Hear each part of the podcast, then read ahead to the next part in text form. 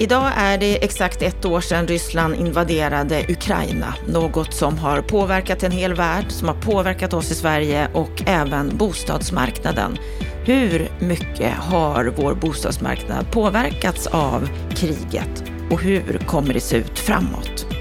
Sen ska vi prata om eh, hyresförhandlingssystemet som vi ju är mitt i att undersöka hur väl det fungerar just nu. Vår expertkommentator Kent Persson, han vill se ett helt nytt system. Varför då? Ja, hör honom alldeles strax.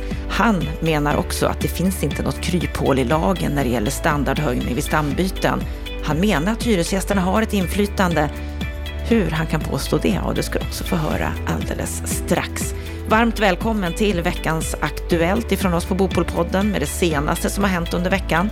Jag heter Anna Bellman.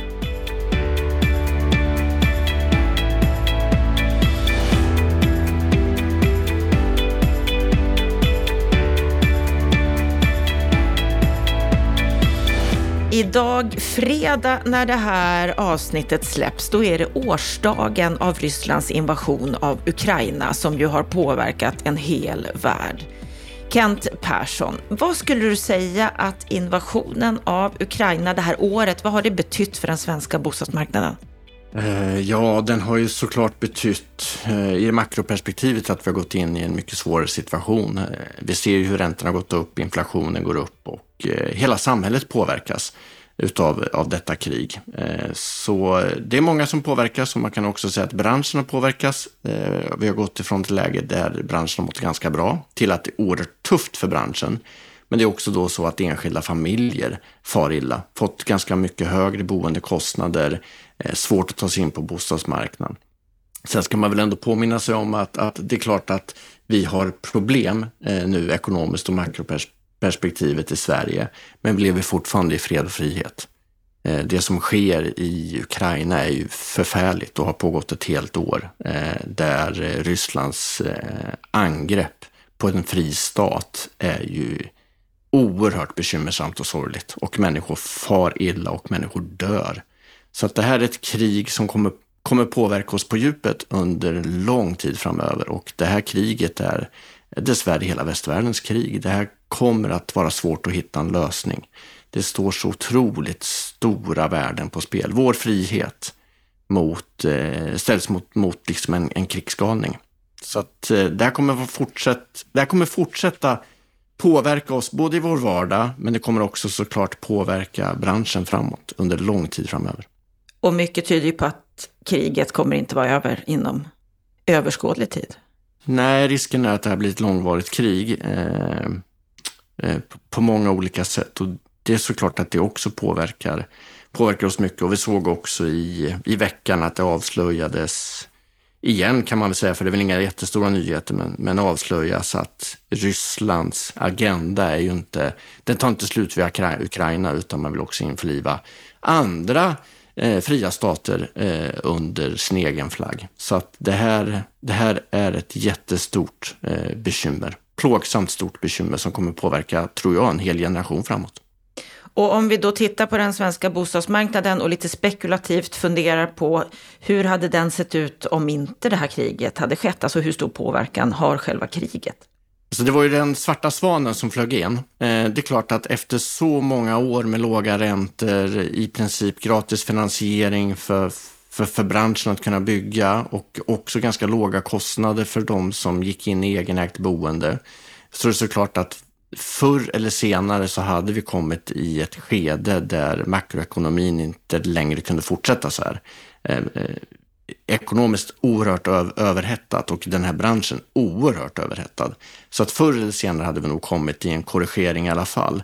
Nu var det kriget som utlöste korrigeringen. Ja, mycket som har hänt, mycket som påverkar oss och mitt i allt det här så har vi också då bytt regering och fått en ny bostadsminister. Och på bostadspolitik.se där kan du läsa en intervju med Andreas Karlsson om det pågående reformarbetet med rubriken Vi arbetar i högt tempo för att genomföra reformer. Och han säger bland annat så här att de problem som finns kring bostadsfrågorna har byggts upp under lång tid. Jag tror att alla inser att det tar tid att vända, men vi har påbörjat arbetet i högt tempo och kommer att återkomma. Vad säger du Kent om de svar som Andreas ger i den här intervjun? Ja, men han är ju rätt så tillvida att, att bostadspolitik är verkligen de långa linjernas politik. Det tar väldigt lång tid att påverka och förändra bostadsbyggandet, eh, eh förutsättningar för det hyrda, eh, hyrda boendet och också för det ägda boendet. Så här gäller det från politiken att ha tålamod och genomföra reform för reform för reform. Eh, när det handlar om den eh, reform, eh, de reformerna som vi ser att den här regeringen vill genomföra så handlar det i huvudsak om reformer riktat mot det ägda boendet och eh, regelförenklingar. Eh, och jag har inget emot det. Det kommer säkert att på lite sikt eh, förbättra förutsättningarna för bostadsmarknaden att fungera lite bättre. Men det räcker inte. Alltså det kommer att behövas mer. Det vi just nu ser är att vi är på väg in mot ett totalstopp när det gäller nyproduktionen och det kommer slå igenom ännu hårdare 2024. 2023 tror jag bara är början på problemet. 2024 kommer det sjunka ytterligare och görs det inga insatser Eh, från politiken som underlättar att, att eh, nyproduktion av bostäder kan komma igång igen, då tror jag också att vi kommer få ha en väldigt, då kommer vi ha en låg nivå av bostadsbyggande i det här landet under eh, ganska lång tid framöver. Så att ja, eh, lite plus till regeringen för att de tar tag i regelförenklingar och det ägda boendet, men det räcker inte. De måste komma med fler reformer och de måste också framförallt komma igång med reformer för det hyrda boendet. Annars så kommer vi få totalstopp när det gäller utveckling utav hyresrätten i Sverige. Och det skulle faktiskt också till slut drabba tillväxten i vårt land. Han säger ju här alltså att de har påbörjat arbetet i högt tempo, att de kommer att återkomma. Hur lång tid tror du det tar innan, innan vi får se något konkret? Ja, men det tar nog ett tag till och det har ju också att göra med att det här var inte en regeringskonstellation som hade förberett sig innan valet på vilka reformer man ville genomföra efter valet. Det har vi sett vid några tillfällen i svensk politik när regeringar har gjort det och då, då kan man hålla ett oerhört högt tempo. Nu var de ju tre partier som skulle prata ihop sig efter ett val och dessutom bli överens med Sverigedemokraterna om en, om en agenda för vad man skulle genomföra. Så att jag skulle tro att det här kan nog eh, ta eh, en stund till innan vi får se Eh, reformerna eh, komma fram. Eh, men förhoppningsvis så bör det bli några reformer under den här mandatperioden i alla fall. Mm, det får vi hoppas på. Vi ska gå vidare till den hyresproblematik som vi är inne i, de nya hyrorna som håller på att sättas. Och i podden i måndags så samtalade jag med Erik Elmgren från Hyresgästföreningen och Anders Holmestig från Fastighetsägarna. Och där tog vi bland annat upp ett blogginlägg från Fredrik Törnqvist på Stångåstaden där han ifrågasatte hyresförhandlingssystemet och skrev att man kanske skulle införa ett index som man har för kommersiella lokaler. Och det här var ingenting som varken Erik Elmgren eller Anders Holmestig sa hurra till. Lyssna gärna på det avsnittet. Men det vi kan säga som har tillkommit i den här frågan, det är att Fredrik Törnqvists vd-kollega på allmännyttiga Mimer i Västerås, Mikael Källqvist, han har också skrivit ett blogginlägg om hyresförhandlingarna. Han beskriver svårigheterna med att förhandla enligt trepartsöverenskommelsen och han säger bland annat så här. Ansvaret vilar tungt på Hyresgästföreningen centralt att klargöra hur de anser att avtalet ska användas i de lokala förhandlingarna.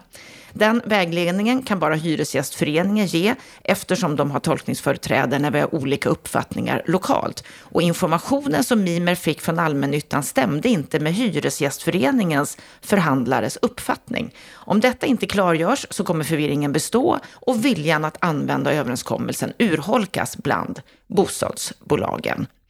Ja, Kent, det här bekräftar ju bilden som du har gett i en ledare och som vi också har pratat om här i veckans Aktuellt, att det finns ett stort missnöje, liksom både hos privata och allmännyttiga bolag kring årets hyresförhandlingar. Och Erik Elmgren och Anders Holmestig bekräftar ju att det har ju varit den tuffaste förhandlingsomgången på många år.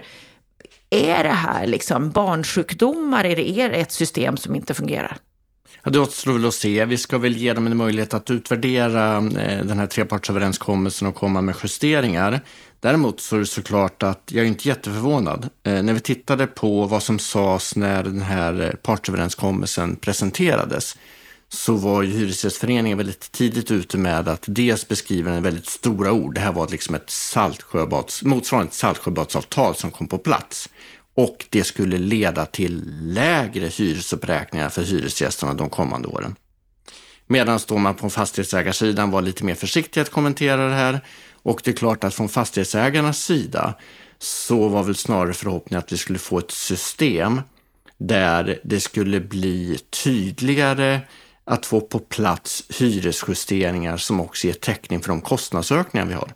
Tittar vi bakåt i de senaste tio åren så anledningen till att det har varit ganska låga hyresjusteringar, det beror ju på låg inflation, extremt låga räntor eh, och ändå har inte vi riktigt fått täckning för de kostnadsökningar vi har haft. Det har fastighetsägarna klarat av på grund av att vi också under den här perioden haft eh, fastighetsvärderingar som har stigit för varje år. Så fastighetsbolagen har, trots att hyresförhandlingar de åren inte fungerat, haft det tillräckligt bra för att kunna klara sitt uppdrag. Nu är vi inne i en helt ny verklighet och då skulle den här överenskommelsen prövas och då visade det sig att den inte höll. Den var, var inte ens i närheten av att hålla, utan vi har ju fått eh, vi har ju fått eh, överenskommelser på den årliga uppräkningen som, som för väldigt många bolag inte täcker deras kostnadsökningar. Och det kommer ju visa sig här framåt skapa stora problem för fastighetsbolagen, oavsett om de är privata eh, eller om de är allmännyttiga. Och om man då tittar på det här förslaget som har kommit fram med ett index som vi ju använder för kommersiella lokaler, skulle det vara möjligt med ett, med ett helt nytt system?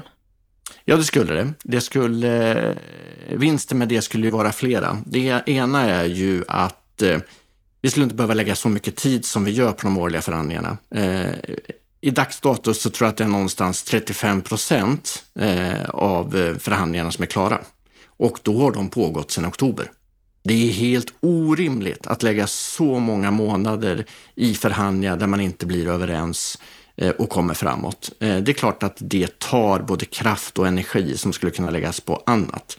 Ett index skulle ju frigöra tid att kunna arbeta med att utveckla hyresrätten på ett annat sätt. Det andra, det är ju att du skulle få en ekonomisk förutsägbarhet. Och det vore bra för eh, fastighetsägarna att veta hur uppräkningen fungerar framåt och att man kan planera utifrån det. Men det vore också väldigt bra för hyresgästerna som får en, en tydlig bild av hur hyresutvecklingen kommer att se ut. Men kan det hända att eh, Hyresgästföreningen förlorar lite av sitt existensberättigande om det införs ett index? Det finns många andra frågor som Hyresgästföreningen kan arbeta med och vi ska komma ihåg att de årliga förhandlingarna är en del. Eh, vi har ju förhandlingar med Hyresgästföreningen i många andra delar också. Så att eh, den här delen tycker jag man skulle, skulle vara en, en bra lösning för alla parter att gå över på index. Det skulle lösa ut många problem. Vi ska gå vidare till en nyhet som vi pratade om förra veckan. Då pratade vi om Alresa Alkondis debattinlägg om fri hyressättning i nyproduktion.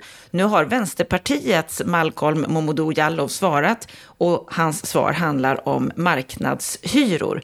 Vänsterpartiets linje verkar ju vara att fri hyressättning i nyproduktion, ja, det är detsamma som att införa marknadshyror i hela beståndet. Vad säger du om den här argumentationen ifrån Vänsterpartiet? Men hela argumentationen är ju haltande. Dels så finns det inga förslag på att genomföra äh, fri hyressättning på, på hela beståndet, utan diskussionen och utredningen rörde hur man skulle kunna införa det för nyproduktionen. Och anledningen till det, det är ju att vi idag har stora problem när det gäller nyproduktionen, eh, hyressättningen och också då kunna få igång tillräckligt mycket nyproduktion av hyresrätter. Så det här var ett sätt att kunna hitta en lösning som hade skapat bättre möjligheter för nyproduktion av hyresrätter framåt. Det gynnar alla i Sverige. Så att eh, det missar ju Vänsterpartiet i sin argumentation.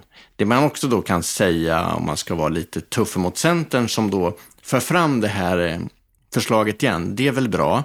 Men vi ska ju komma ihåg vad som hände också när regeringen föll på det här förslaget. Centerpartiet drog ju då tillbaka sitt förslag i sina förhandlingar när man skulle bilda en åter, eh, återigen skulle få en, en socialdemokratisk regering på plats, så drog ju Centerpartiet tillbaka det här förslaget i de förhandlingarna.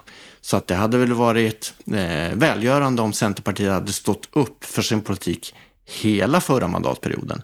Det gjorde man inte, men jag välkomnar att man återigen står för de här förslagen. Mm, då kommer vi få fortsätta att se den här typen av argumentationer framåt också. Ja, det är övertygad om att vi kommer få ha under en ganska lång tid den här diskussionen. Eh, och när det gäller problemen för hyressättningen på just nyproduktionen så är vi idag i ett läge där det är väldigt osäkert. Eh, jättesvårt att veta hur man ska sätta hyrorna, ännu svårare att veta vilken hyresuppräkning vi kan räkna med efter eh, hovrättsdomarna som har kommit. Så det här måste politiken lösa och det är bråttom. Alltså vi är på väg mot tvärstopp utav nyproduktionen av hyresrätter i det här landet. Och en av de bärande delarna varför det blir så, det är att hyressättningen och de årliga hyresuppräkningarna för nyproduktionen inte fungerar längre.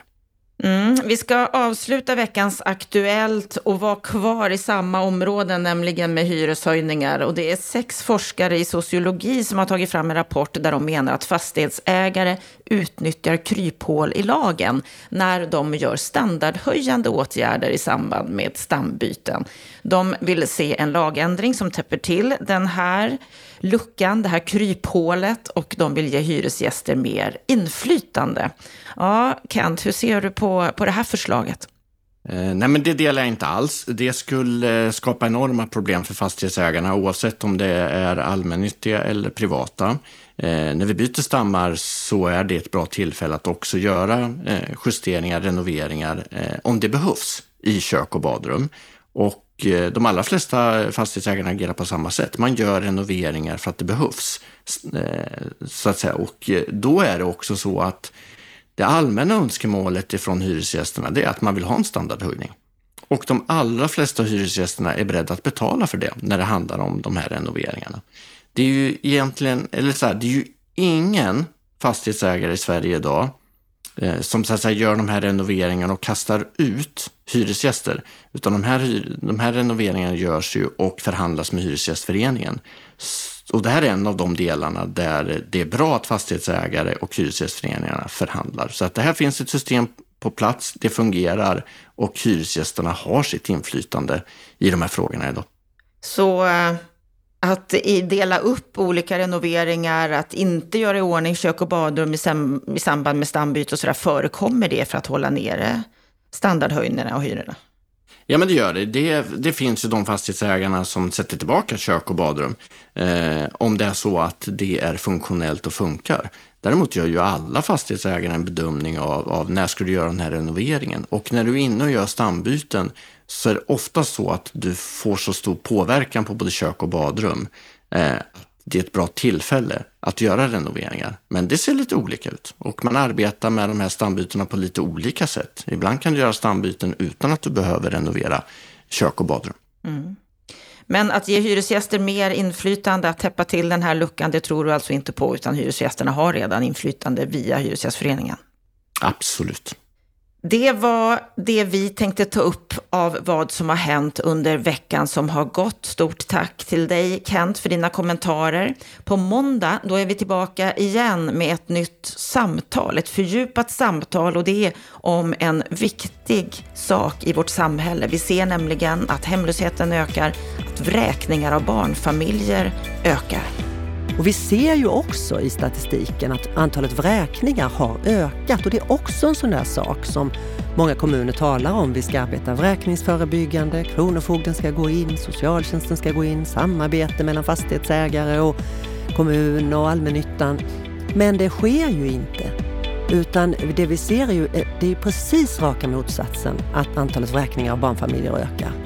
Och det här är ju bekymmersamt därför att det finns också en tendens att om man en gång har blivit vräkt och kommit ut utanför systemet så är det otroligt svårt att komma tillbaka. Ja, där hörde du Åsa Pabon på Stadsmissionen och ett fördjupat samtal med henne, det kommer du att få höra på måndag om vad ska vi egentligen göra för att komma till rätta med den ökande hemlösheten och vräkningar av barnfamiljer. Stort tack för den här veckan. Nu önskar vi dig en riktigt trevlig helg.